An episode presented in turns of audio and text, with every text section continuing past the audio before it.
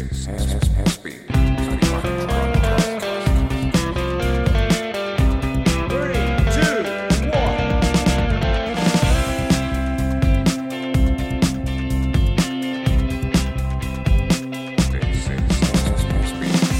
selamat malam semuanya teman-teman di sini. Terima kasih sudah ikut hadir dan bergabung di kelas Budasen malam minggu. Beruntung sekali ya kita bisa bertemu di Budasen ini meskipun secara virtual karena Budasen akan membahas sesuatu jadi lebih mudah, lebih gaul dan lebih asik ya. Malam ini saya Udiarti akan menemani semua teman-teman untuk mengikuti kelas dan tema kelas hari ini sangat menarik nih. Kita akan membicarakan tentang sejarah dengan tema Ki Ajar Windusono melacak jejak pendeta Agung Jawa Buddha di lereng Gunung Merbabu yang akan dipandu oleh Mas Denny Hermawan. Jadi Mas Denny Hermawan ini adalah editor Budasin. Dia juga seorang jurnalis.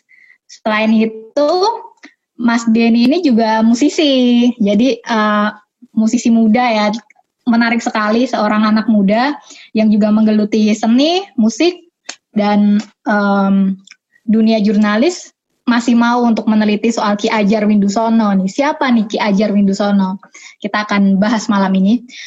Sebelum kita mulai kelas ini, saya akan menyampaikan kepada teman-teman bahwa video dan dan suara teman-teman akan dimatikan supaya teman-teman bisa mengikuti kelas ini lebih santai.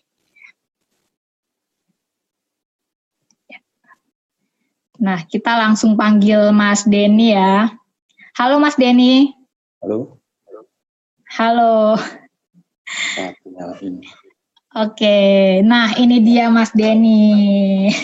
Apa kabar Mas? Ya, baik. Kedengaran ya suara ya? Kedengeran Mas, kedengeran jelas. Kamu apa kabar? Udi udah lama gak ketemu ya? Kita terakhir ketemu. Iya, kita terakhir ketemu bulan eh bulan Januari ya Mas ya? Ya, Atau COVID. udah lama banget sih pokoknya. Gak lama banget lah. Iya. Lagi sibuk apa nih Mas Denny sekarang? Ah, ya gini-gini aja sih. Nggak terlalu sibuk juga. Ya ini menarik banget nih Mas tema tema malam ini tuh tentang Ki Ajar Windusono nih. Hmm. Jadi siapa nih Mas sebenarnya Ki Ajar Windusono nih sampai Mas Denny tuh tertarik untuk untuk meneliti eh, Ki Ajar Windusono ini. Kalau setahu saya Ki Ajar Windusono ini adalah orang yang mengumpulkan arsip-arsip lontar Jawa kuno gitu dari abad 16, 17 dan 18 ya Mas ya. Hmm, tuh. Kamu kok pinter sekarang? Sempat baca dikit, sempat baca dikit. ya kurang lebih gitu sih. Tapi lebih jelasnya biar Mas Denny aja nih yang menjelaskan ya. gitu ya. Ya, eh, selamat malam semuanya eh, teman-teman yang udah gabung di ini forum webinarnya Budasin malam ini. Saya senang sekali karena bisa berbagi ya. Nggak tahu ini berbaginya ini apakah bakal eh, berarti bagi teman-teman atau enggak ya. Saya mencoba berbagi aja sih. Tapi yang perlu saya tegaskan dari awal, saya berbicara di sini itu bukan sebagai seorang pakar ya, pakar eh, tentang sejarah atau eh, pakar tentang teks kuno gitu enggak. Saya cuma eh, orang yang mencoba mencoba mengenal, mencoba me- mengetahui eh, tentang yaitu sejarah eh, teks kuno dari lereng Merapi itu dan mencoba mengenal sosok Ki Hajar Windusono itu kurang lebih gitu sih.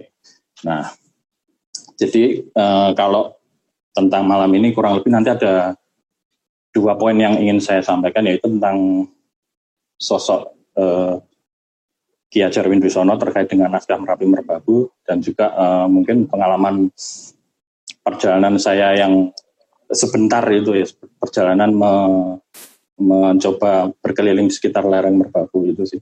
Dan nanti kalau mungkin ada sempat ada waktu bisa saya eh, ada bacakan sedikit eh, naskah dari ini teks salah satu teks dari Merapi Merbabu nanti ada rangkumannya saya bisa bacakan biar teman-teman bisa lebih mengenal itu kurang lebih gitu ya Iya. Ya, benar sekali. Dan nanti teman-teman kalau ada pertanyaan di sesi tanya jawab bisa langsung diketik di chatnya aja ya. Nanti kita bisa bahas di sini. Oke, silahkan Mas Denny. Hmm. Ini hostnya kamu sendirian ya? Iya. Satunya Saya hari ini harus sendirian. Sebenarnya ada partnernya biasanya, tapi mendadak menghilang. ada ke- keperluan keperluan mendadak, jadi ya saya sendiri. Tapi nggak apa-apa kan ada Mas Denny, jadi lebih seru ngobrolnya. Oke, siap. Eh, mulai dari mana ini? Nah, mungkin mulai dari ini ya. Awal ketertarikan saya terhadap eh, hal ini ya. Jadi mungkin Iya. kalau terkait naskah Merapi Merbabu itu kan disebutnya juga naskah gunung atau naskah Budo. Budo itu karena aksaranya memakai aksara Budo berbeda dengan aksara Jawa yang Hono Coroko itu dan berbeda juga dengan aksara Kawi yang aksara Jawa kuno turunan dari aksara Palawa dari India.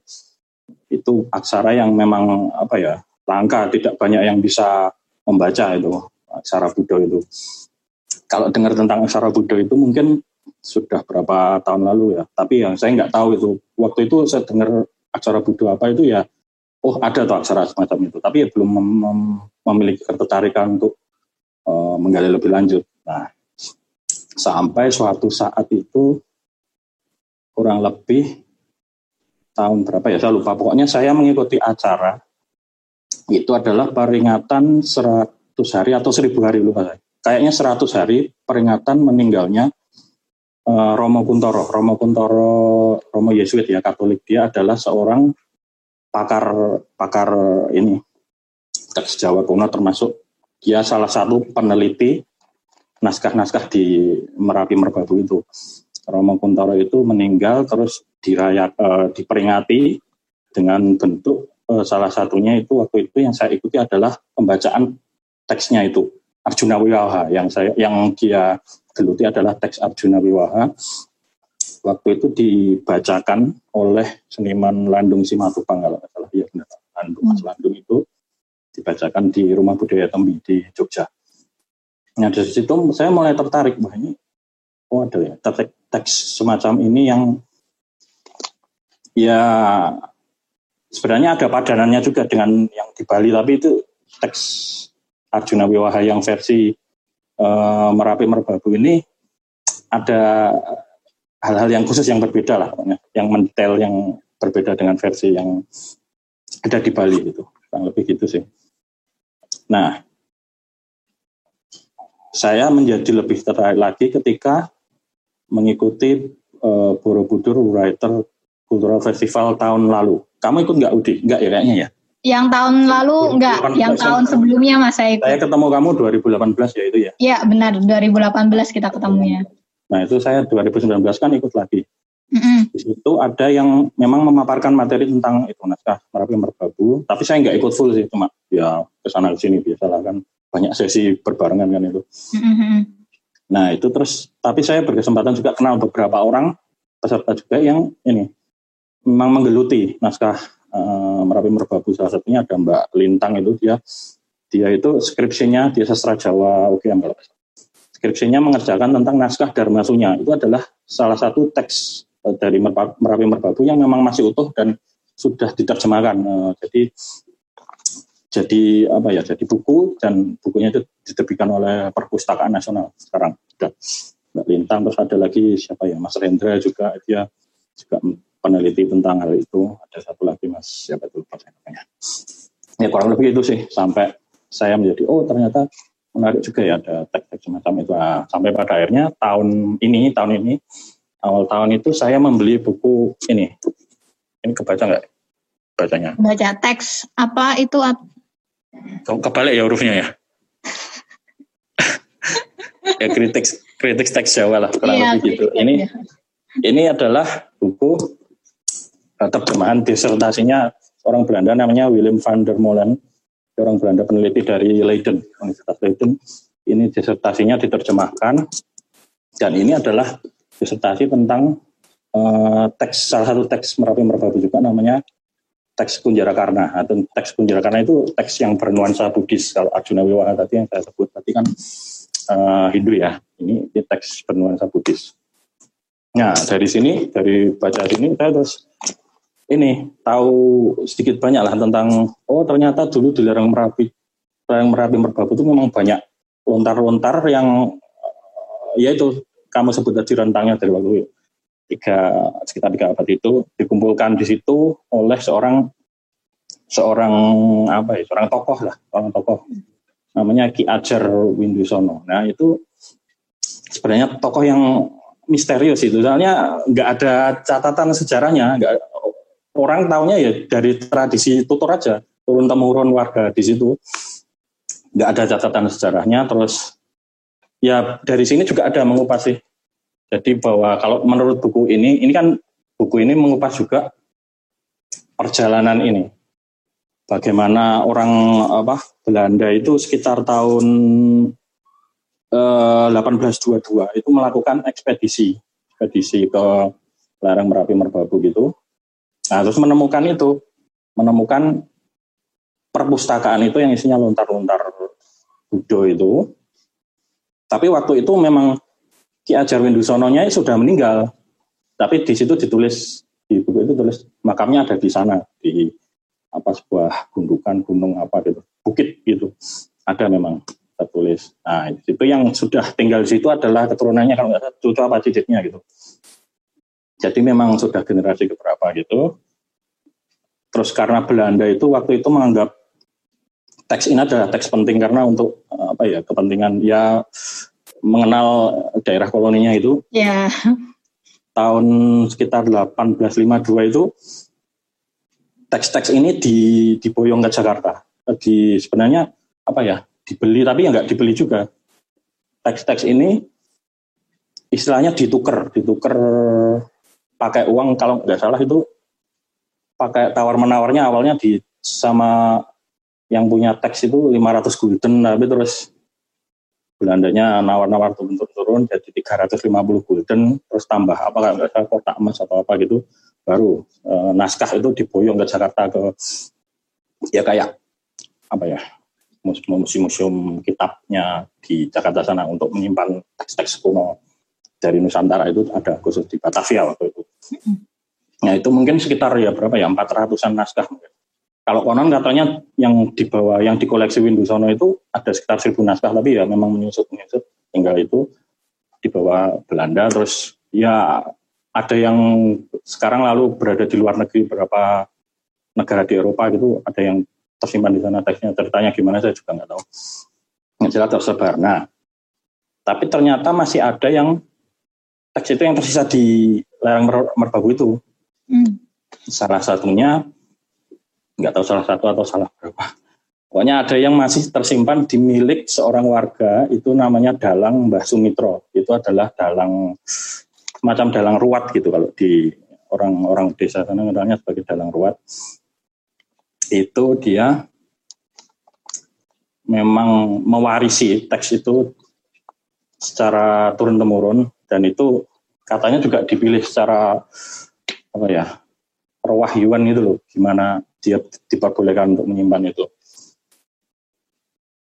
Saya pikir, wah ini menarik ini untuk untuk menjelajah ke sana gitu loh. Tapi karena waktu itu kan COVID merebak kan jadi wah mau pergi-pergi gitu juga susah. Ending dulu. Oh, oh ya bulan dulu baru baru uh, bulan Juni bulan Juni kemarin saya memutuskan ke sana Eh, ke lereng Merbabu itu. Saya ngajak teman saya uh, namanya Mas Tio, dia tinggal di mana itu? Di Muntilan, nggak nggak nggak terlalu jauh dari dari Merbabu. Dan dia juga senang senang spiritualitas, senang berusuhan juga, jadi ya nyambung lah kalau diajak gitu-gitu. Nah itu saya ke sana bulan Juni, tapi sebelumnya ya juga udah riset-riset juga dicari googling segala macam gitu itu tempatnya di mana gitu. Nah rupanya saya menemukan paling uh, setidaknya ada dua tempat yang terkait dengan sosok Windusono ini, Ki Hajar Windusono itu. Yang satu namanya dusun Windu Sabrang. Itu kalau dari Gunung Merbabu ya uh, selatan baratnya lah kurang lebih saya juga lupa ininya persisnya. Kalau di map itu selatan barat. Nah, satunya lagi namanya Desa Kedaan. Kedaan itu berarti ke barat barat agak agak ke selatan dikit sih. Ya tapi baratnya Merbabu lah. Nah itu saya ke sana, saya yang ke Windu Sabrang dulu awalnya. Windu Sabrang itu awalnya saya bingung juga karena apa ini? Saya harus ke mana dulu. Waktu itu saya ke makam. Yang saya cari pertama adalah makam. Karena memang tujuan saya ya nyari itu lokasinya makamnya itu. Karena konon katanya memang bekas perpustakaannya sudah nggak ada. Jadi ya hmm. melacaknya ya dari makam itu. Di situ ada makam makam tua sih agak gede gitu. Makam tua pohonnya pohon pohon yang gede-gede banget gitu ya. Kalau malam itu pasti kelihatan angker banget lah iya itu siang-siang sih saya asik juga. Jalan-jalan ke sana gitu terus waktu itu ya nggak nggak ada orang yang apa jaga di situ atau ya saya belusuan aja sih. Saya ya biasalah kalau saya kadang kalau ke tempat-tempat yang disakralkan itu bakar dupa terus tancapin terus ya sedikit apa semacam doa-doa gitu lah biasa. Nah di situ saya tidak menemukan apa-apa terus saya akhirnya tanya-tanya ke warga sekitar eh, kebanyakan juga nggak tahu mereka tentang makam saryane mbah apa mbah Windu niku pun di saya tanya kurang ngerti gitu Mbak Windows apa. Yang tahunya itu adalah uh, yang makam yang saya datangi pertama itu adalah makam maaf siapa itu namanya Meriam Sri Benih atau siapa itu. Nah itu ternyata uh, itu menurut tradisinya itu teman-temannya Mbah Windosono hmm. nah, terus saya akhirnya menemukan yang dianggap makam yang di situ yang dianggap makamnya Mbah Ajar, nyebutnya orangnya Mbah Ajar orang-orang itu. Nah, itu ternyata agak naik ke bukit gitu, terus jalannya itu ya harus ini harus jalan lah, jalan kaki, agak daki gitu.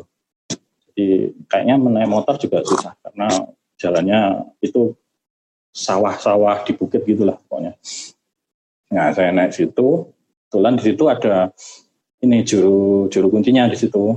Uh, dia seorang petani, petani yang garap lahan di sekitar sawahnya itu.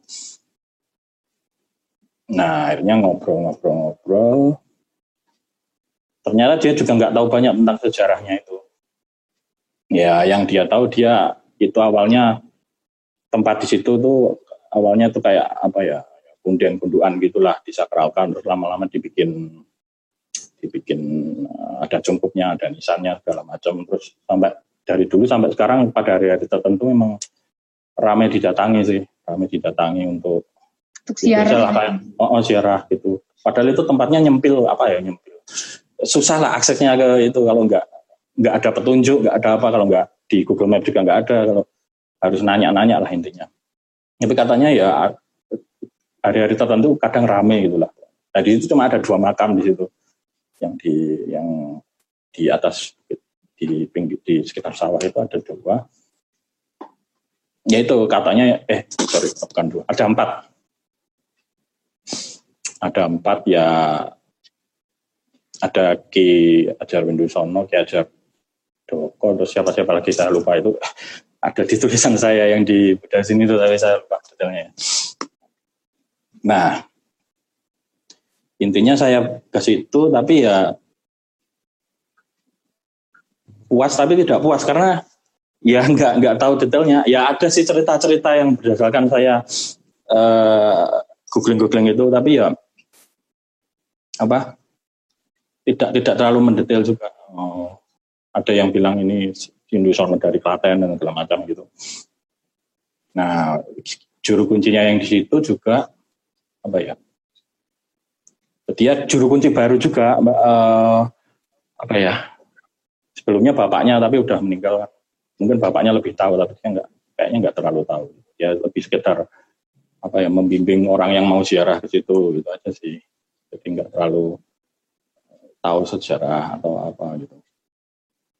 Dia sendiri seorang muslim itu pak juga. Hmm. ya udah sih saya juga menggali data yang uh, sebisa mungkin yang saya bisa di lokasi itu.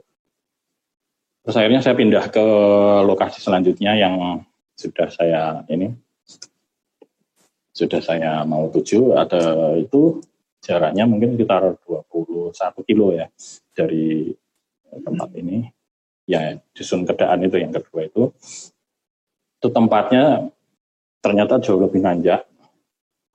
Oh, itu berada di jalur pendakian Merbabu kalau lewat mau jalur bekas itu lewat situ pasti. Jadi naik bisa gitu. Lewat ya lewat hutan beneran lewat hutan yang lewat jalan yang kiri kanannya itu hutan pinus itu loh. Saya oh ini beneran nggak jalannya kok kayak gini? Ternyata memang habis lewat hutan berapa? Tapi itu siang hari ya mas ya? Oh, oh siang lah. Kalau malam wah serem banget. Wah ada ada ada desa rupanya di nah gitu terus nanya-nanya eh, dalamnya Mbah Sumitro pun tinggi Sumitro itu dalang dalang kuat yang hmm. saya ini saya searching namanya itu.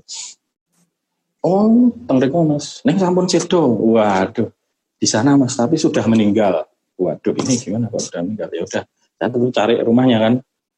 Rumahnya terus rupanya itu dekat ini base campnya orang-orang mau naik gunung itu di ya, hmm. ya selisih dua tiga rumah lah. Saya ketok kayaknya rumahnya sepi gitu. Terus balik aja ya. Gimana ini? Terus saya tanya ke yang itu base campnya itu oh ada kok itu tapi terus saya anu minta tolong dia yang ini manggilin. Rupanya ya memang ada itu. Jadi istrinya istrinya Mbah Mitro itu terus uh, dia menyambut saya sama teman saya. Ya kami ngobrol-ngobrol juga sih di situ. Sebentar tapi nggak nggak terlalu lama ya intinya pada awalnya saya langsung to the point itu nanya tentang naskah itu. Awalnya dia nggak nggak oh nggak ada itu naskah kayak gitu. Terus saya, ya gimana caranya lah saya interogasi oh ya ada tapi saya nggak berani menunjukkan intinya gitu. Hmm. karena memang naskah itu uh, disakralkan dan dianggap sebagai kayak kayak jimat gitu kayak apa ya kayak pusaka gitu. Jadi nggak berani sembarangan itu kan di dalam uh, kotak gitu. Ada ada kayak nggak salah wayang-wayang juga gitu. Nah ada ruang penyimpanan khususnya gitu ya mas berarti? Oh, oh ya ya yang jelas anu lah nggak nggak nggak nggak bisa sembarangan dibuka lah. Nah istrinya ini ya cuma bisa ngasih tahu kalau oh ini nanti yang bisa buka nanti kalau ada dalang ruat yang baru Nah, itu harus nunggu ini pulang atau nunggu wahyu dari dari dari mbah mbah yang di makam gitu katanya. Nah, mbah mbah mbah itu oh terus saya tanya lo makamnya di mana? Nah, makamnya itu di ya di atasnya itulah di atas di bukit atasnya perumahan di desa. Nah singkat kata singkat cerita saya langsung naik ke situ. Naik itu lebih nanjak lagi ternyata Ya, kalau naik motor sebenarnya bisa sih sampai ke situ langsung karena udah ada ininya. Kalau mobil nggak bisa.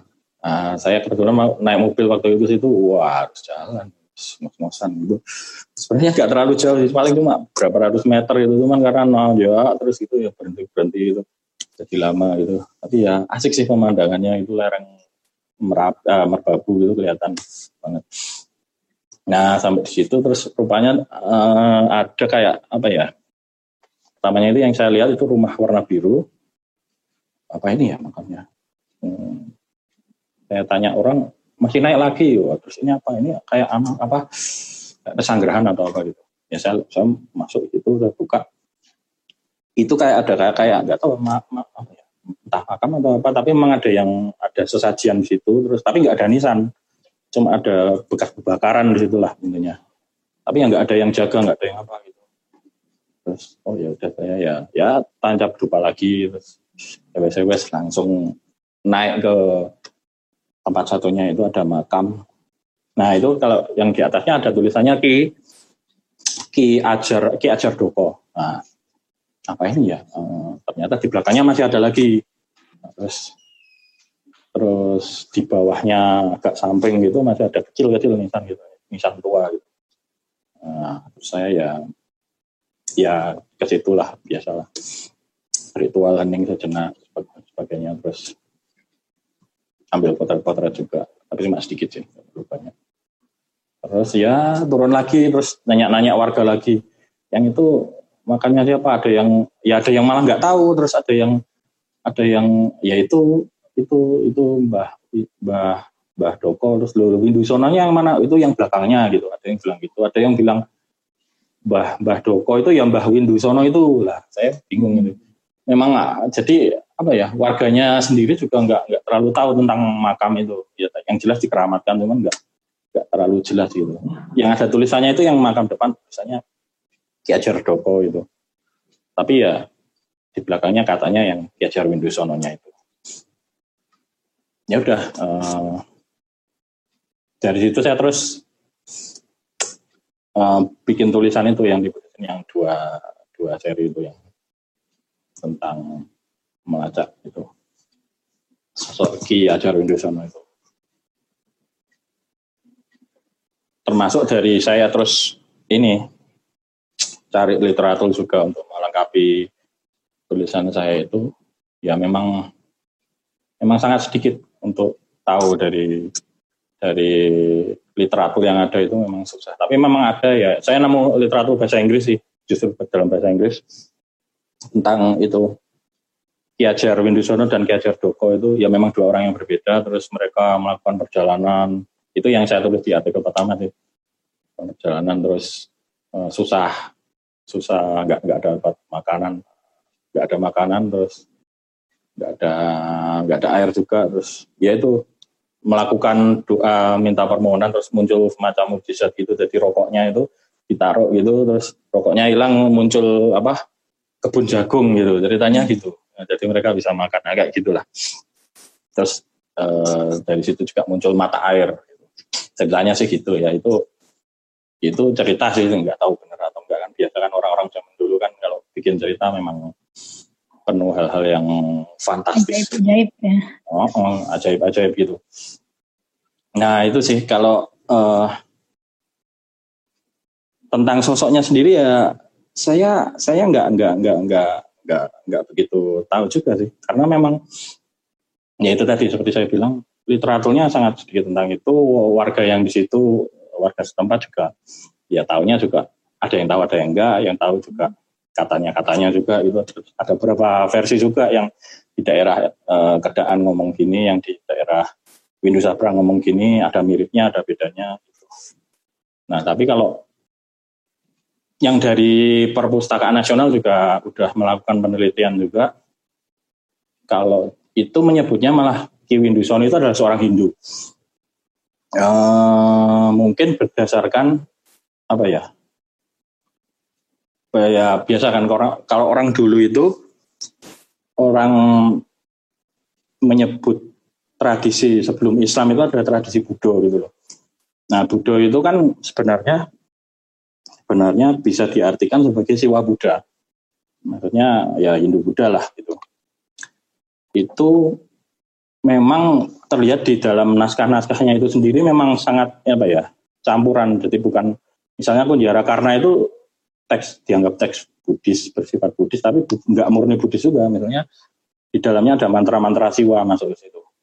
Terus nah misalnya kalau yang Hindu itu yang terkenal Dharma Sunya ya Sunya itu kan mungkin konsep yang lebih dikenal di Buddhis ya, sunya, sunyata gitu.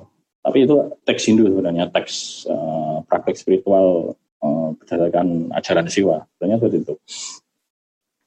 Nah itu sebenarnya juga misteri juga uh, Windu Sono itu ya mungkin dia juga mixture antara Siwa Buddha juga bisa atau gimana yang jelas kalau dari catatan Belanda Belanda itu kan juga membuat riset awalnya dari waktu mengambil kitab uh, lontar-lontar itu ke, diboyong ke Batavia itu kan ya uh, mengandalkan salah seorang orientalis Jerman namanya siapa? Frederick atau siapa? Itu ya saya sempat saya tulis juga di yang artikel pertama itu. Dia menyebut ya teks-teks ini adalah teks bukan tulisan orang Muslim terus uh, Ki Hajar Windosono itu adalah seorang pandita Buddha. Nah itu ditulis di situ menurut catatannya. Tapi ternyata setelah dipelajari sebenarnya teks teks teks muslim juga teks teks Islam juga ada di situ di dalam koleksi Merapi Merbabu itu. E, meskipun ya Islamnya Islam campur juga itu enggak enggak enggak murni Islam banget. Misalnya ada naskah kalau nggak salah itu namanya uh, tapel Adam atau apa gitu. Itu ya uh, naskah yang tentang apa ya penciptaan alam semesta gitu kosmogini gitu. Terus ada apa lagi ya teks yang berhubungan dengan kalau nggak salah ada yang tentang nyinggung Nabi Muhammad gitu juga ada. Terus yang ada teks yang kayak semacam tantra gitu menempatkan kalau tantra itu kan dewata-dewata ditempatkan di dalam tubuh itu istanakan dalam tubuh tapi itu nabi-nabi diganti nabi-nabi. Nah teks semacam itu juga ada.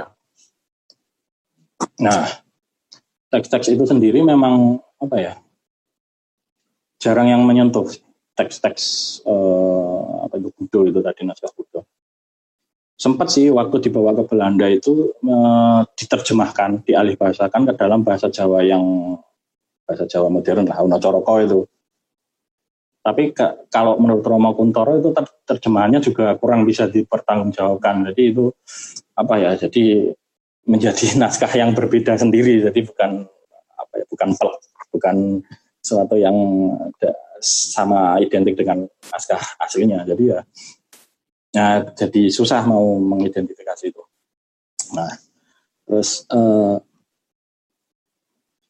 naskah itu sendiri eh, naskah apa lontar Budo itu memang kalau dilihat itu kebanyakan kebanyakan bertema tentang uh, kalau bahasa Jawa ruatan, ruatan purifikasi mungkin ya bahasa penyu, penyucian atau apa ya uh, bahasanya, bahasanya Islam kembali ke fitri apa.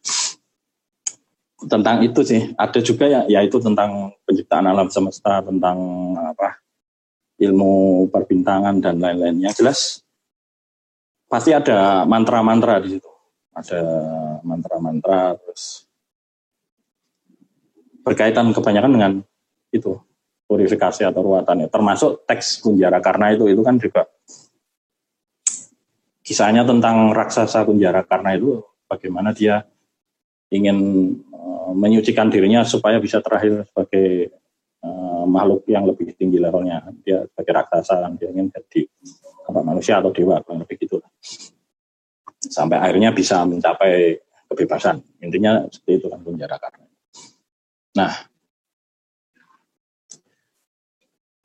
Lalu mantra-mantra ruat itu sebenarnya juga masih apa ya masih hidup tradisinya. Misalnya mantra Hum nah itu ada di di teks-teks itulah merapi merbabu itu. Itu kan masih banyak dipakai untuk dalang-dalang kalau di, di di Jawa itu masih masih pakai itu mantra-mantra itu untuk ya setiap mau ini siap beraksi. Itu termasuk juga katanya itu untuk uh, seni pertunjukan yang lain. Apa kayak wayang wayang tari apa itu wayang orang. Terus apa pertunjukan rakyat yang lain. Katanya juga masih memakai mantra-mantra ruat itu. Jadi dia menempatkan kalau dalang itu menempatkan dirinya sebagai pusat pusat dari alam semesta pusat mandala gitu. Terus dia menyebut benda-benda di sekelilingnya gitu dengan ya sebagai perwujudan yang menyatu dengan dirinya kurang lebih gitu sih. Nah termasuk di apa di apa wayang itu uh, nah gini yang menarik uh, bagi saya ternyata adalah teks-teks dari ini eh, Merapi Merbabu ini juga terkoneksi dengan tradisi sastra yang ada di keraton Kartasura waktu itu. Hmm. Jadi ceritanya kan keraton itu dari zamannya Sultan Agung itu kan dari eh, kota gede, terus pindah ke Pleret, lalu pindah ke Kartasura. Nah, pindah ke Kartasura, terjadi geger pecinan itu baru pindah ke Surakarta. Nah ternyata kalau dilacak itu berdasarkan saya baca-baca dan sebagainya ya,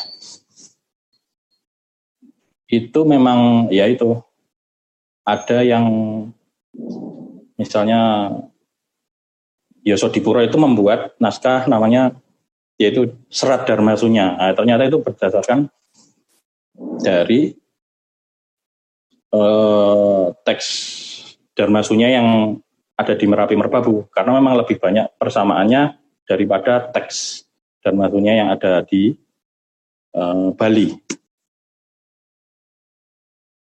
Teks itu sendiri saya, saya ada sih sebenarnya filenya itu saya simpan itu e-booknya tapi belum belum saya baca sampai tuntas. Nanti kalau ada yang tertarik bisa saya bagikan. Nah itu teks uh, Dharma Sunya. Nah yang menarik juga bagi saya adalah bahwa eh, pada masa Kartasura itu ternyata ada yang namanya abdi dalam, abdi dalam juru ajar. Jadi itu abdi dalam yang khusus khusus me, mengurusi hal-hal ilmu ilmu di luar Islam. Jadi ilmu religi, ilmu spiritual di luar Islam ada ilmu ilmu pangewan atau ilmu yang mungkin disebut tantra sekarang. Terus ilmu ilmu kabudan kalau disebutnya memang kabudan itu ya. Jadi ilmu-ilmu sebelum Islam masuk gitu. Jadi itu di dikuasai oleh namanya abdi dalam juru ajar. Nah, tapi belakangan setelah pindah ke uh, Surakarta ternyata jenis abdi dalam yang semacam itu sudah nggak ada lagi. Nah, kenapa bisa seperti itu ya saya nggak tahu mungkin politik juga sih nah, politik uh, ya kan kepentingan lah agama dan sebagainya termasuk katanya di lereng-lereng Merbabu itu sampai uh, abad 19 kurang lebih itu masih ada uh, ya desa yang disebutnya desa Abangan. Jadi desa Abangan ini desa yang penduduknya bukan memang bukan nggak menganut Islam lah, tapi nggak jelas itulah apa. Ya mungkin sebutnya itulah siwa Buddha dan sebagainya atau apa. Yang lain yang jelas masih ada itu. Tapi sekarang udah ya ini semua udah ya Islam semua lah lereng merbabu itu. Kurang lebih gitu sih. Nah kembali lagi ke uh, sosok Windu Sono ini ya Uh,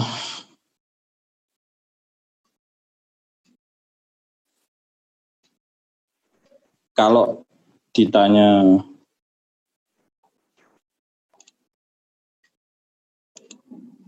apa yang apa yang bisa saya bisa saya ambil dari bisa saya ambil dari dari secuil secuil secuil narasi sejarah yang yang saya ketahui tentang Windusono ya mungkin dia bisa uh, mengumpulkan naskah-naskah itu kan itu naskahnya banyak itu ada ratusan yeah. naskah itu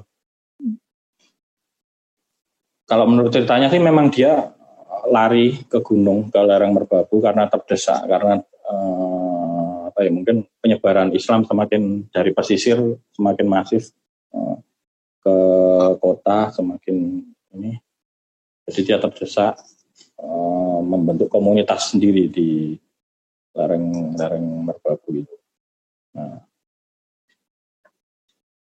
ya sayangnya itu tadi di, untuk mengenal sosoknya sosoknya Widusono ini susah juga ya. Yeah kalau yang orang yang saya dengar ceritanya yang di desa itu Windu Sabrang itu ada yang tahu ya itu itu Windu Sono karena itu dulu ada orang kesurupan gitu katanya. Kesurupan terus cerita gini gini gini. Itu makamnya Windu Sono tapi yang nggak tahu kebenarannya kan. Kayak gitu kan apa ya susah dibuktikan. Ya yang jelas saya senang sih bisa bisa mengenal mengenal sejarah ya, mengenal sejarah sejarah spiritualitas di Jawa bahwa memang ada teks-teks yang apa ya itu memang bikinan bikinan bikinan ini orang Jawa. Mungkin ada yang berdasarkan dari cerita-cerita India ya, tapi memang dilokalkan, diberi nuansa kearifan lo- lokal eh, di sini, jadi ya jadi khas khasnya Jawa yang merupakan melting pot dari berbagai macam kebudayaan. Nah, kurang lebih seperti itu sih Mbak Udi untuk eh, pengantarnya mungkin ada yang mau di anu enggak? Ya, menarik Mas. Jadi eh, karena pertama awal-awalnya Mas Denny sendiri tuh tahu teks-teks teks-teks seperti Ar- Arjuna Wiwaha gitu, kemudian tertarik mulai tertariknya untuk mencari lebih jauh lagi karena lebih dulu mengenal teks-teks itu tadi ya Mas ya. Ya, Kemudian pernah dengar sih. Iya, sampai ke makamnya gitu. Ini ada sebelum kita masuk ke tanya jawab, saya ada satu pertanyaan sih. Tadi sempat disinggung sebenarnya sama Mas Denny, tapi saya ingin ingin lebih dijelaskan lagi soal kaitannya soal eh, Budo tadi, Mas. Budo Oh. tadi. Jadi apakah Budo itu sama dengan Buddha yang dibawa oleh Siddhartha Gautama atau dia punya artian dan makna sendiri itu berbeda dengan Buddha yang dibawa oleh Siddhartha Gautama. Mungkin bisa dijelaskan Mas itu. Ya. Eh, saya mikirnya dulu itu Buddha itu ya Buddha itu Buddha yang Buddha yang dalam bahasa Jawa logat Jawa jadi A jadi O kan. Nah, jadi wah ini Bu- Buddha ini Buddha.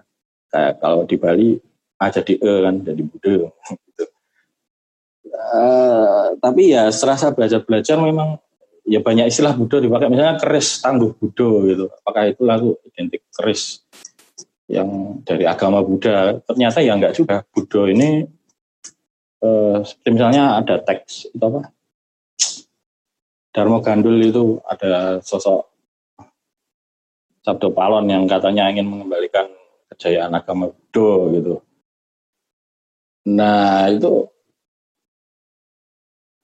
ada yang lalu menerjemahkan ah itu agama Buddha itu agama Budi dimengerti. Ada yang oh itu agama Buddha itu ya Buddha itu. Tapi kalau saya lebih lebih cocok dengan pendapat Buddha itu adalah istilah untuk menyebut eh, tradisi spiritualitas sebelum Islam gitu. Jadi ya sebenarnya Buddha itu siwa Buddha tapi disingkat jadi Buddha gitu aja nyebutnya seperti itu jadi ya memang sinkretisme antara Siwa dan Buddha itu terjadi tidak hanya di era Jawa Timur ya. Kan kata katanya habis ini eranya Borobudur, eh, Sailendra dan Sanjaya itu kan itu kan masih masih pemisahannya separasinya mungkin masih agak jelas ya Iya. yang ini dengan Prambanan dan Borobudur tapi terus katanya ada Mahapralaya Pralaya, Rodakan dan sebagainya terus Empu Sintok pindah memindahkan pusat pemerintahan ke Jawa Timur. Nah, habis itu kan katanya langsung mulai muncul sinkretisme Siwa dan Buddha itu. Tapi ternyata itu ya kalau dilihat dari kasusnya Merapi Merbabu, teks-teksnya itu sinkretisme itu juga masuk ke Jawa Tengah juga eh, di daerah Jawa Tengah itu. Termasuk di ini lereng Merapi Merbabu itu. Nah, berpengaruh pada penulisan teks-teksnya itu termasuk Kunjara seperti yang saya sebut tadi Kunjara Karna itu eh, memang disebut teks Buddhis karena itu memang sosoknya sosoknya itu apa raksasa Kunjara Karna itu memang apa ya belajar dari Bu- Buddha Wairocana sebutnya Wairocana kalau orang yang belajar Buddhisme Mahayana dan Borobudur pasti tahu itu adalah sosok sentral di Candi Borobudur di zenit tengah itu. Itu adalah Buddha Wairocana termasuk kalau belajar eh, tantra di Jepang Shingon itu juga dewata sentralnya juga Buddha Mahawairocana itu. Nyebutnya Dainichi Nyorai itu kalau di Jepang. Nah itu memang disebut teks Buddhis tapi juga kontennya itu juga mengandung unsur siwa juga. Ternyata ada mantra-mantra juga ada eh, siapa itu namanya eh, tokoh satunya namanya Purnawijaya itu yang di teks Kunjara Karna itu juga purifikasinya memakai mantra-mantra siwa ternyata. Nah, jadi kesimpulannya Buddha itu apakah Buddha ya saya lebih cenderung bahwa itu adalah siwa Buddha. Begitu Mbak Udi tanpa kah. Jadi Ya memang enggak ada perpaduannya ya mas, tercipta Iya. dari perpaduan-perpaduan tadi. Mm-mm. Oke, setelah ini kita bisa langsung masuk ke sesi tanya jawab dari para audiens. Tapi sebelumnya saya mau menyampaikan nih kalau kelas ini ada sponsornya. Jadi sponsor yang pertama adalah kopi, kopi ini Kacek, kopi asli Temanggung. Terima kasih sudah mensponsori kelas ini.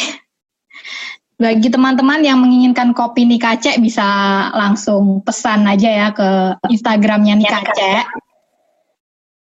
Ya ini kopinya dijual 100 gram 30 ribu.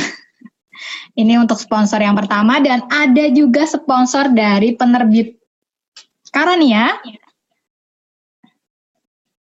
Ada kejutan juga buat teman-teman yang ikut kelas malam hari ini. Semuanya akan eh, akan dapat buku dari penerbit Karania yang berjudul Panduan Berziarah ke Borobudur karya S. Damika. Hmm. Ini bukunya.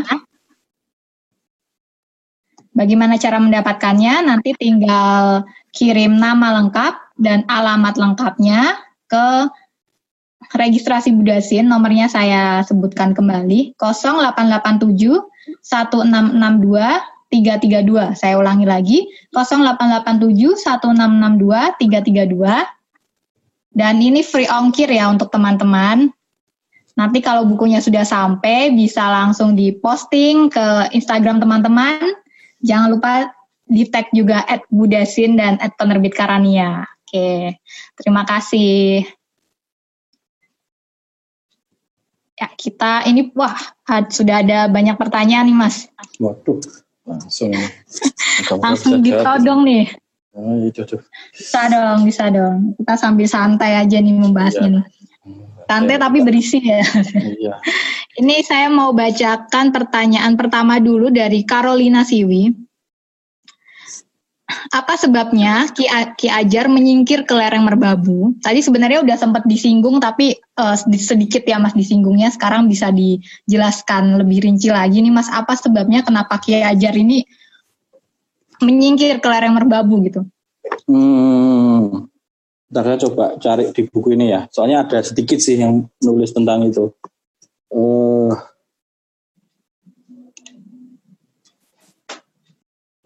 Ntar halaman berapa ya? Lupa saya. Moga-moga bisa ketemu.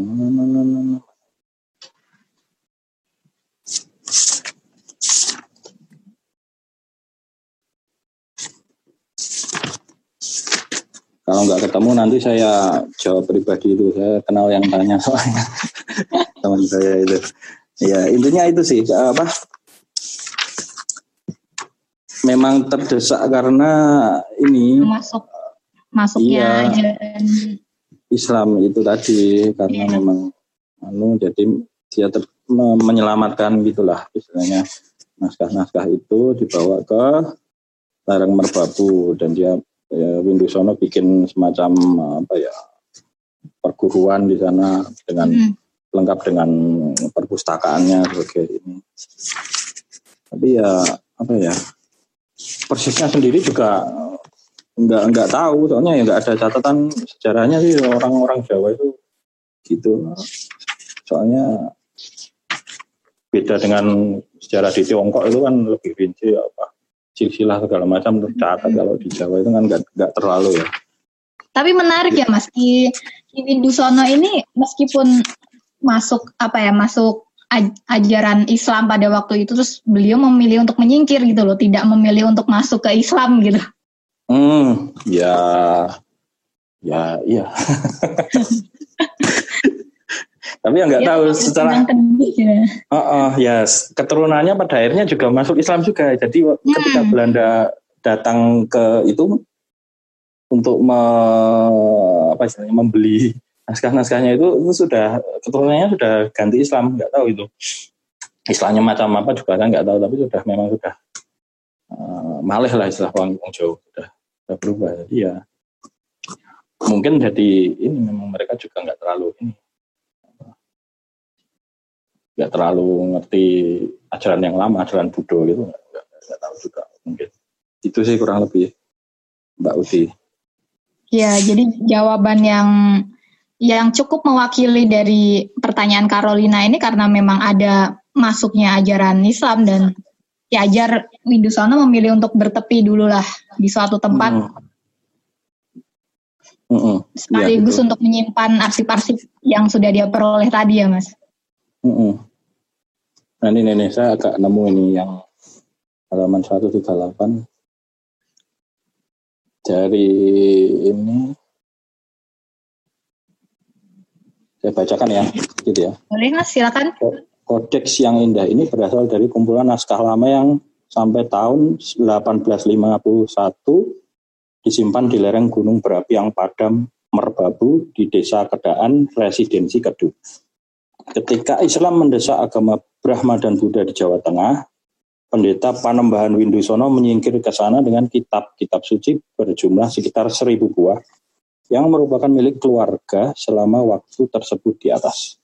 Perpustakaan ini dalam perjalanan waktu telah menyusut menjadi sekitar 400 buah dan kemudian diserahkan pemerintah Hindia kepada Lembaga Ilmu Pengetahuan di Batavia. Pembantu Kepala Perpustakaan Frederick ditugaskan menyusun katalognya. Masuknya agama Islam terjadi pada paruh kedua abad ke-15. Dengan demikian, naskah tersebut di atas berusia 400 tahun, bahkan mungkin lebih tua. Karena kalau tulisan pada kebanyakan naskah itu hampir sama dengan tulisan Jawa Baru dan ditorehkan di atas daun lontar seperti sekarang masih dilakukan di Bali, Sri Lanka, dan India, yang ini memperlihatkan tulisan kawi yang ditulis tebal dengan pena. Ini tulisannya dari Isong tahun 1975 nah, ini dari bukunya ini peneliti namanya Pisot ini. Nah kurang lebih gitu sih Mbak Udi. Oke. Cukup menjawab ya untuk Carolina. Saya pikir kenapa pilihannya adalah merbabu gunung karena gunung adalah tempat suci bagi para Ya. leluhur kita pada saat itu ya, Mas. orang- Dia orang, tempat yang orang tinggi. leluhur kita kan menganggap Hmm. ya katanya dewa-dewa ada di gunung segala Iya, benar. Seperti gunung tempat ya memang disucikan. Jadi ya untuk untuk praktek spiritual untuk mencapai apa ya pelepasan itu biasanya memang banyak dilakukan di gunung meditasi segala macam orang zaman dulu. Iya. Iya. Hmm. Kita langsung masuk ke pertanyaan selanjutnya ya, Mas ya. Oh, ini Ya, ini boleh. menarik nih pertanyaannya nih sama juga pertanyaannya dengan saya dari eh, Romo Ananda. Apakah kiprah lain dari Ki Ajar Windusono selain mengumpulkan naskah? Ini pertanyaan pertama. Lalu ada lagi pertanyaannya, di wadah apa naskah-naskah tersebut disimpan sebelum dibawa oleh Belanda? Kalau yang pertama tadi ad- kiprahnya ya Iya, kiprah selain beliau mengumpulkan naskah-naskah. Ah, itu juga kita hanya bisa meraba-raba. Soalnya nggak sekali lagi nggak ada catatan sejarahnya ya. Tapi memang kalau dari namanya Ki Ajar itu ya dia orang yang mengajar sebagai tokoh cendikiawan itulah cendikiawan tokoh spiritual yang mengajarkan banyak hal sih tentunya. Soalnya katanya juga eh, Ki Ajar ini juga petani yang ulung katanya. Jadi ya Hmm. mengajarkan banyak hal untuk manusia untuk hidup bagaimana tidak tidak hanya spiritual tapi juga mungkin urusan duniawi juga beliau mengajarkan. Konsepnya kan memang ditiru lalu oleh Ki Hajar yang modern kayak Ki Hajar Dewantoro itulah bapak pendidikan kita tentunya tahu kan Ki Hajar. Eh, Konsep Ki Hajarnya dipakai lagi di situ. Tapi ya apakah itu sama dengan Ki Hajar Ki Hajar yang dulu para ajar di pegunungan itu ya mungkin ada samanya ada bedanya. Ya sekali lagi kita cuma bisa meraba-raba aja. Soalnya kalau Ki Hajar Dewantoro itu kan juga memang dia orang yang ini sih ya katanya spiritualis juga tapi juga katanya orang kiri juga katanya gitu Ki Hajar itu. Nah apakah lalu ada kaitannya Ki Hajar yang ini dengan yang dulu? Ya hmm, nggak tahu juga sih. Soalnya mungkin ya apa ya?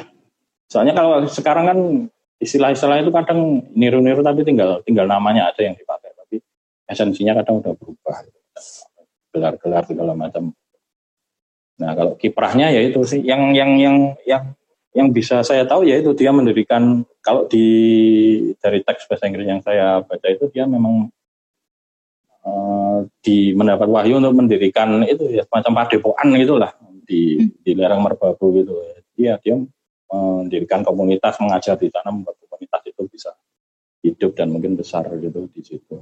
Kurang lebih seperti itu sih kalau detailnya gimana juga ya nggak ada catatannya itu lagi susah.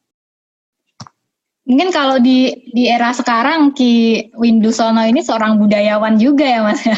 Ya harusnya gitu sih, Ya. budayawan spiritualis gitu sih. Iya. Heeh.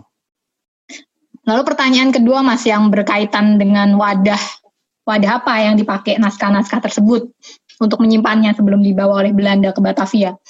Oh, itu kalau eh, nggak tahu ya, saya juga yang di Batavia pun saya nggak pernah lihat, yang di Perpustakaan Nasional juga belum pernah lihat, cuma ya lihat dari foto-foto itu. Kalau di kalau di yang pernah saya lihat itu ada yang memang disimpan di kayak kayu gitu, kotak kayu gitu, di Mhm. situ. Tapi ada yang ya mungkin eh, disimpannya nggak nggak ini ya. Ya cuma di dipadetin aja kayak kayak itu apa kayak lontar-lontar ya mungkin di Bali atau di mana ya yang masih pakai lontar gitu. Eh, ya kurang lebih kayak gitu sih cuma kalau yang zaman dulu kayak apa ya saya nggak nggak tahu buta saya masalah itu soalnya ya apa ya Karena Yang tidak jelas- ditemukan ininya ya Mas apa bentuk wadahnya. yang jelas eh, yang jelas kalau di yang disimpan tersimpan di Belanda itu naskahnya itu kadang apa berserakan gitu loh. Jadi bagian Hmm. dari naskah ini lepas masuk ke naskah yang ini gitu loh. Hmm. jadi eh, berserakan. Jadi mungkin memang penataannya dulu nggak nggak terlalu ini ya terlalu ketat dan apa ya. Jadi gampang gampang gampang berserakan gitu. Dan yang saya ketahui eh, naskah yang naskah yang ada di ini Me- Merbabu itu menurut orang-orang di sana itu memang sudah rusak jadi nggak nggak susah dibaca gitu loh teksnya itu. Jadi memang susah dibaca. Selain itu juga orang sana nggak berani sembarangan buka ya. Jadi ya mau mau mengulik lagi mau eh, me- istilahnya menggali nilai apa dari itu ya susah gitu. Jadi yang cuma jadi pusaka aja. Nah kecuali yang naskah-naskah di eh, di perpustakaan nasional. Itu memang beberapa ada yang masih utuh dan ini eh, ada yang beberapa diterjemahkan sih dalam bahasa Indonesia gitu. Tapi ya saya saya belum belum baca banyak. Yang yang saya sudah download itu yaitu Darnasunya tapi belum habis saya baca. Sama ya yang Kunjara karena di sini ini ada ini ini ada ya terjemahannya. Ini dari tiga tiga tiga teks tiga teks Kunjara karena yang berbeda terus dirangkum jadi satu diterjemahkan di sini. Jadi jadi memang ada banyak versi Kunjara karena ada yang jadi menyebutnya itu ada naskah A, naskah B, naskah C gitu. Dan itu ada ada bersamaannya ada bedanya. Jadi tetap apa ya agak beda-beda dikit gitu lah. Jadi nggak nggak sama persis. Termasuk yang lainnya itu ada namanya teks katanya eh, pangruatan Kunjara Karna. Itu beda lagi. Tapi ya masih nyambung dengan ini. Ada lagi pangruatan Purnawijaya itu juga salah satu karakter dari ini Hmm. tapi beda lagi teksnya gitu terus ya itu ya itu rupanya teks yang banyak itu banyak yang memiliki memiliki kemiripan eh, sama-sama teksnya katanya yaitu eh, apa ya ya mungkin dari zaman ini terus beberapa puluh tahun lagi ada yang bikin juga di di, di apa ditulis ulang tapi ya karena penulisnya agak kreatif itu terus ditambah-tambahi. Memang ada yang seperti itu. Jadi eh, tambahi satu bait gitu. Tapi kan itu udah beda apa apa ya? Ya udah beda sebenarnya kan. Eh, bukan satu naskah yang persis sama gitu. Jadi bukan sekedar diterjemahkan tapi memang ada tambahan bait-bait tertentu. Termasuk kalau dibandingkan dengan naskah yang merapi merbabu dengan naskah yang apa itu namanya naskah apa, Mandala Giri atau apa lupa itu teks, teks juga ada perbedaannya yang di di Merapi Merbabu di Tengger di Tengger kan juga ada teks teks teks Iya. kuno gitu. terus di Bali juga Bali juga pasti banyak nah itu ada beda-beda detail-detailnya yang ya itu. Nah, tapi kalau me- jawab pertanyaannya ya saya nggak tahu itu nyimpannya pakai apa, Bang. Nggak ada CCTV-nya yang masih. Belum belum ditemukan ya ini. Iya. Fosil-fosilnya belum ditemukan ya. Heeh, heeh. Eh, me- menyambung Romo Ananda, saya juga ada pertanyaan, Mas. Hmm. Saya penasaran nih, Mas, gimana Ki Ajar Windusono ini bisa mendapatkan arsip-arsip yang yang jumlahnya 300 lebih gitu, 400 tadi. Itu yang tercatat gitu. Belum yang tercatat tadi ada serib- seribuan naskah ya, Mas. Mm-mm. Sedangkan Ki Hajar Windusono sendiri adalah orang yang eh, mengelola pertanian katakanlah pada saat itu. Nah, dia bagaimana cara mendapatkan arsip dan menyalinnya loh kan pekerjaan menyalin arsip itu adalah pekerjaan yang lebih sulit menurut saya dibandingkan mengumpulkan arsip yang udah ada sendiri gitu. Hmm. Kira-kira Mas Denny punya bayangan atau ada sumber yang bisa men- menjelaskan soal itu nggak Mas? Eh,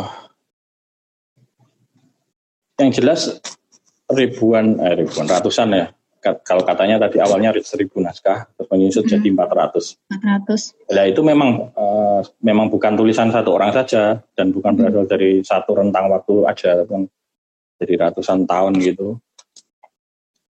Itu berasal dari beberapa titik di, jadi nggak terlokasi di awalnya tidak terlokasi di satu titik, tapi tersebar di eh, sekitar kebanyakan di lereng Merbabu, terus ada juga di lereng Merapi, terus ada juga sebenarnya di daerah lain seperti di ya, Gunung Ungaran itu, ya masih di sekitar Jawa Tengah gitu. Eh, terciptanya teks-teks itu. Siapa penulisnya juga nggak ada yang tahu, soalnya nggak nggak ditulis di situ. Yang jelas ada yang teks-teks yang sama, ada yang beda, ada yang itu ditulis ulang dengan eh, bumbu-bumbu yang ditambahkan gitu ada yang seperti itu. Kalau bagaimana ngumpulinnya ya eh, nggak tahu juga. Soalnya apa ya dari data yang ada memang Belanda ke situ yang bikin catatan kan Belanda itu awalnya. Belanda ke situ Windusono-nya udah nggak ada. Yang ada cuma makamnya sama perpustakaannya itu. Nah, Windusono juga meninggalnya itu tepatnya tepatnya tahun berapa juga nggak nggak tahu soalnya dari catatan itu ya paling nggak paling paling paling paling dekat itu 8 tahun sebelum Belanda datang ke situ desa Kedaan itu sudah meninggal. Nah, apakah 8 tahun itu atau bisa lebih tua lagi meninggalnya?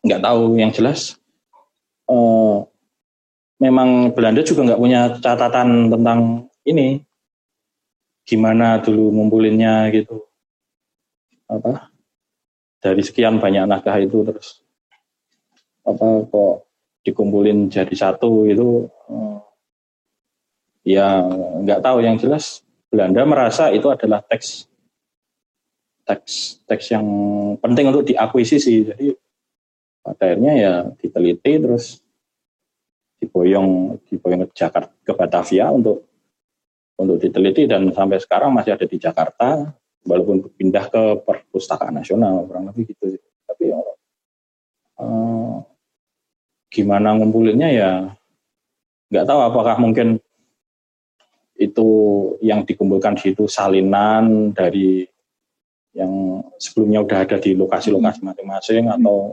semuanya itu diboyong dari satu ke situ ya nggak tahu juga sih saya. Itu Berarti ada ada kemungkinan eh, Ki Windusono ini juga mengembara ya Mas ya? Iya, memang ceritanya kalau menurut cerita tutor itu ya mengembara dari daerah. Ya katanya itu kan dari ada yang bilang dari Klaten gitu, terus Mm-mm. naik ke atas ke lereng gitu, ke lereng Merbabu gitu. Mungkin jalurnya lewat Boyolali atau lewat mana saya. Ya gitu sih memang pengembara menurut ceritanya itu. Oh, Ini kita langsung beralih ke pertanyaan selanjutnya dari Benita Sari. Buku rujukan di Perpusnas judulnya Kakawin Darmasunya dalam naskah Merapi Merbabu. Tadi nyari di iPusnas rujukan lain kata pencariannya apa ya? Atau di lantai berapa di Perpusnas saya dapat buku kritik teks tadi ada di Epos Oh ini lebih tanya soal uh, di mana bisa menemukan buku kritik teks tadi, Mas? Oh, yang ini. Iya. Ini coba Anda cari online ada bukunya. Hmm. Di ya itulah tempat-tempat yang jual buku kan sekarang banyak buku bacaan segala macam beli online itu loh. Nah itu saya belinya ini juga online ini. Jadi uh, tidak beli di toko buku. Nggak tahu kalau toko buku malah susah mungkin nyarinya ya. Jadi saya beli online gitu. Terus kalau yang di Perpusnas itu saya belum pernah ke Perpusnas. Jadi nggak tahu ya apa kondisinya di sana di lantai berapa untuk menyimpan buku-buku kayak gini. Ya harusnya ada sih buku ini semacam ini di sana termasuk yang terjemahan dari naskah-naskah Merapi Merbabu uh, harusnya ada. Tapi saya nggak tahu. Kalau yang yang saya tahu yang di dari Perpusnas itu ya itu tulisannya Mbak Lintang itu namanya namanya Lintang siapa lupa saya pokoknya Lintang lah nama depannya gitu. Kurang lebih gitu. Kalau uh, naskah lain saya belum pernah baca jadi uh, nggak nggak nggak tahu uh, apa ininya lokasinya segala macam. Gitu sih Mbak. Siapa? Oh. oh ya ini ada ada tambahan. Jadi uh, pertanyaannya kakawin uh, buku kakawin Darmasunya dalam naskah Merapi Merbabu. Apakah benar bukunya itu kakawin Darmasunya dalam naskah Merapi Merbabu? Maksudnya apa? Kalau yang ini, kalau yang ini buku Kunjara Karna. Untuk buku loh. rujukan tentang Merapi Merbabu, Mas. Ya ini Merapi Merbabu juga. Enggak, ini uh, menanyakan buku yang lain sih. Oh iya itu, ya salah iya. satu teksnya itu. Oh. Hmm, Namanya jadi Kakawin Darmasunya ya. Merapi Merbabu. Oh, oh, Kakawin Darmasunya terus dibuat lagi oleh Yosodipuro itu namanya Serat Darmosunyo itu tapi mungkin di perpustakaan Radio Pustaka Solo mungkin ada itu. Hmm. saya saya juga iya di Solo itu kan ada atau di mana ya di perpustakaannya Keraton Solo mungkin ada saya nggak tahu pernah ke sana. Kalau Radio Pustaka saya pernah ke sana sih cuma juga nggak paham buku-bukunya teksnya teks gitu nggak bisa baca ya, saya. Karena kabarnya udah tutup mas, pindah nah, tempat. Ya itu, nah itu nggak tahu saya. Sayang saya sekali ya. Sayang ya. Karena ini ya nggak ada pengunjung ya mungkin ya. Iya dan yang mengelola juga kewalahan mungkin. Kewalahan Karena untuk? Kewalahan untuk mengelola teks-teks yang ada. Nah iya, maintenance kan butuh duit. Iya. Oh, duitnya sementara nggak ada kurang diperhatikan mas kurang nah, diperhatikan iya, ya itu ada support dari pemerintah daerah juga mungkin ya Iya, jadi kadang-kadang saya berpikir, aduh lebih baik ini Belanda saja yang nyimpen ini daripada kita rusak.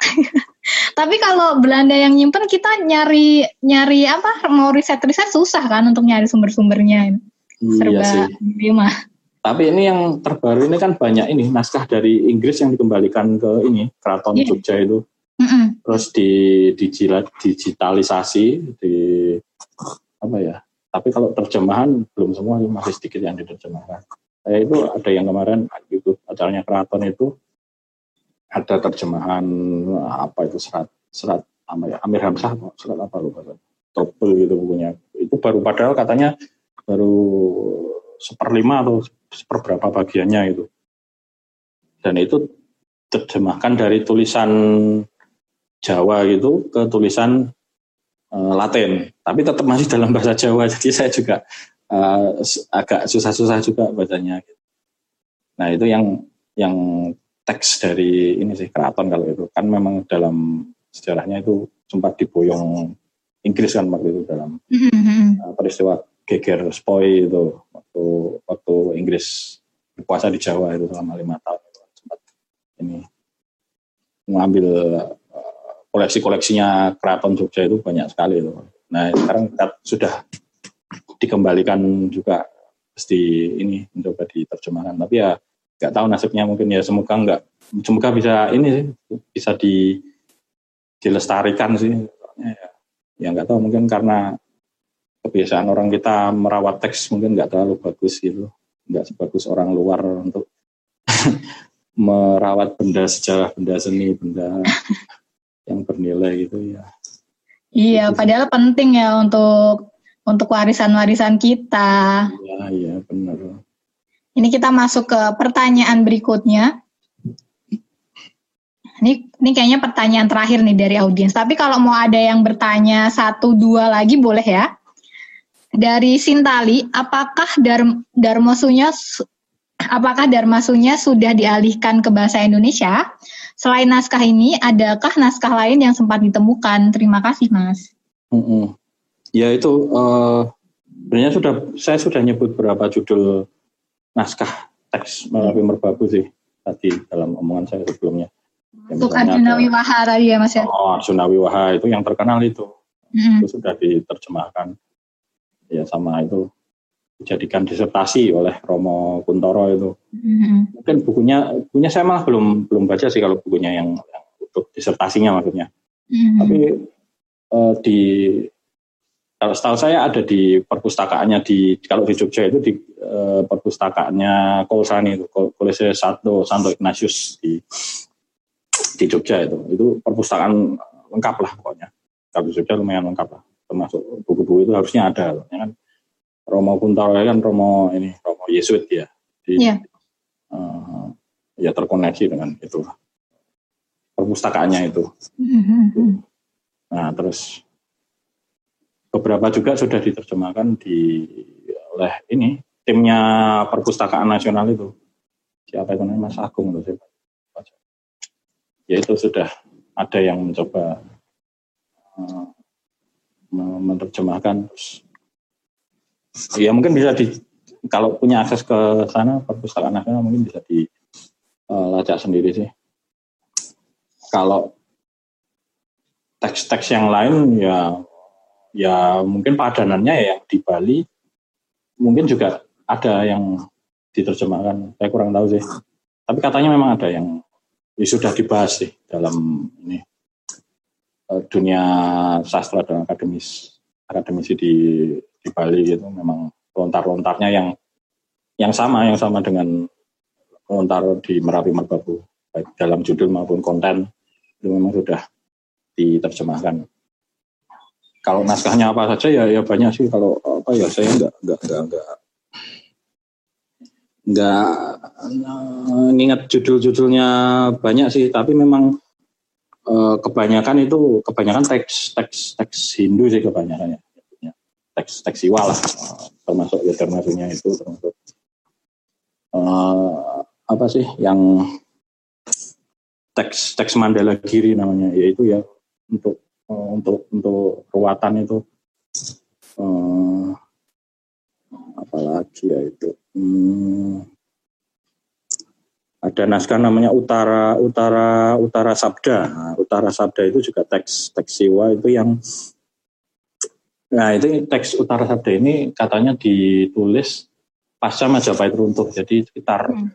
sekitar abad abad ke 17 katanya ini kalau di Jawa itu pemerintahan Sultan ini Amangkurat kalau di Mataram sekarang Islam itu ya itu penerusnya Sultan Agung lah. Jadi ya memang di era itu era Islam berkembang itu ya memang masih eksis itu sebenarnya komunitas uh, siwa Buddha itu. Cuma ya memang tersingkir uh, tersingkir dan terpojokkan dan lama-lama memang habis gitu. Udah apa ya beralih semua. Ya mungkin tinggal nilai-nilainya aja masih hidup di dalam masyarakat gitu. Tapi untuk labelnya sendiri untuk simbol-simbolnya gitu ya mungkin ya dalam tradisi NU itu kan masih ada yang katanya pakai mantra-mantra segala gitu, di pesantren-pesantren gitu. Tapi ya ya sudah tidak dibilang siwa Buddha segala macam masih ya sudah memakai label Islam lah gitu, hmm. gitu Mbak Udi. Itu sudah disebutkan beberapa ya naskahnya tadi hmm, sudah ya, itu sih. cukup menjawab. Ini kita udah bacakan pertanyaan-pertanyaan dari teman-teman juga dan memang waktunya memang sudah hampir selesai nih mas kita, nggak terasa ya. Ada satu setengah jam. Ini yang terakhir banget nih mas dari saya nih. Hmm. Saya mau tanya nih, apa nih harapan Mas Denny sendiri untuk uh, pencarian tentang Ki Ajar Windusono nih? ada nggak harapan yang yang yang ingin disampaikan supaya supaya sosok Ki Ajar Windusono ini bisa bisa lebih luas lagi diberitakan, lebih luas lagi diberitahukan kepada orang-orang. Hmm, apa ya? Yang jelas uh, ah ini ada satu yang menarik itu dari bukunya ini juga. Kita cari ya.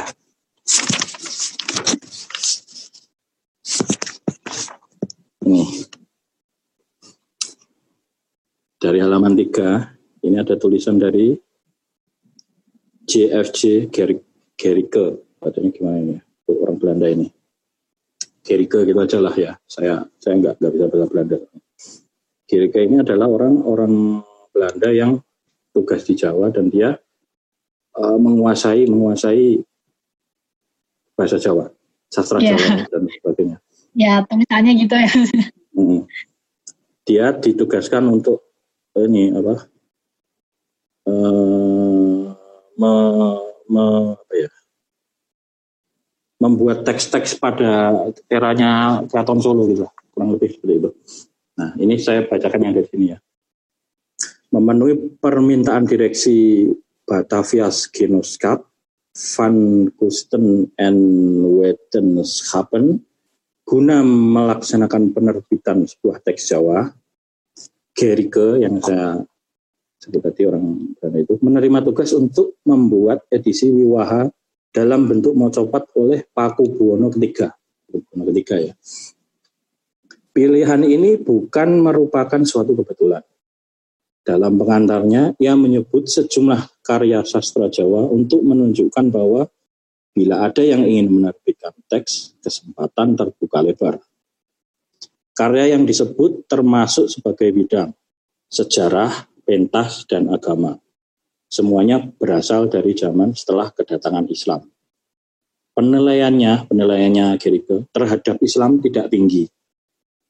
Gerike pada tahun 1844 menulis seperti itu fatalisme para penganut Islam bukan hanya menghancurkan atau menelantarkan peninggalan ukiran batu dari zaman kuno di Jawa.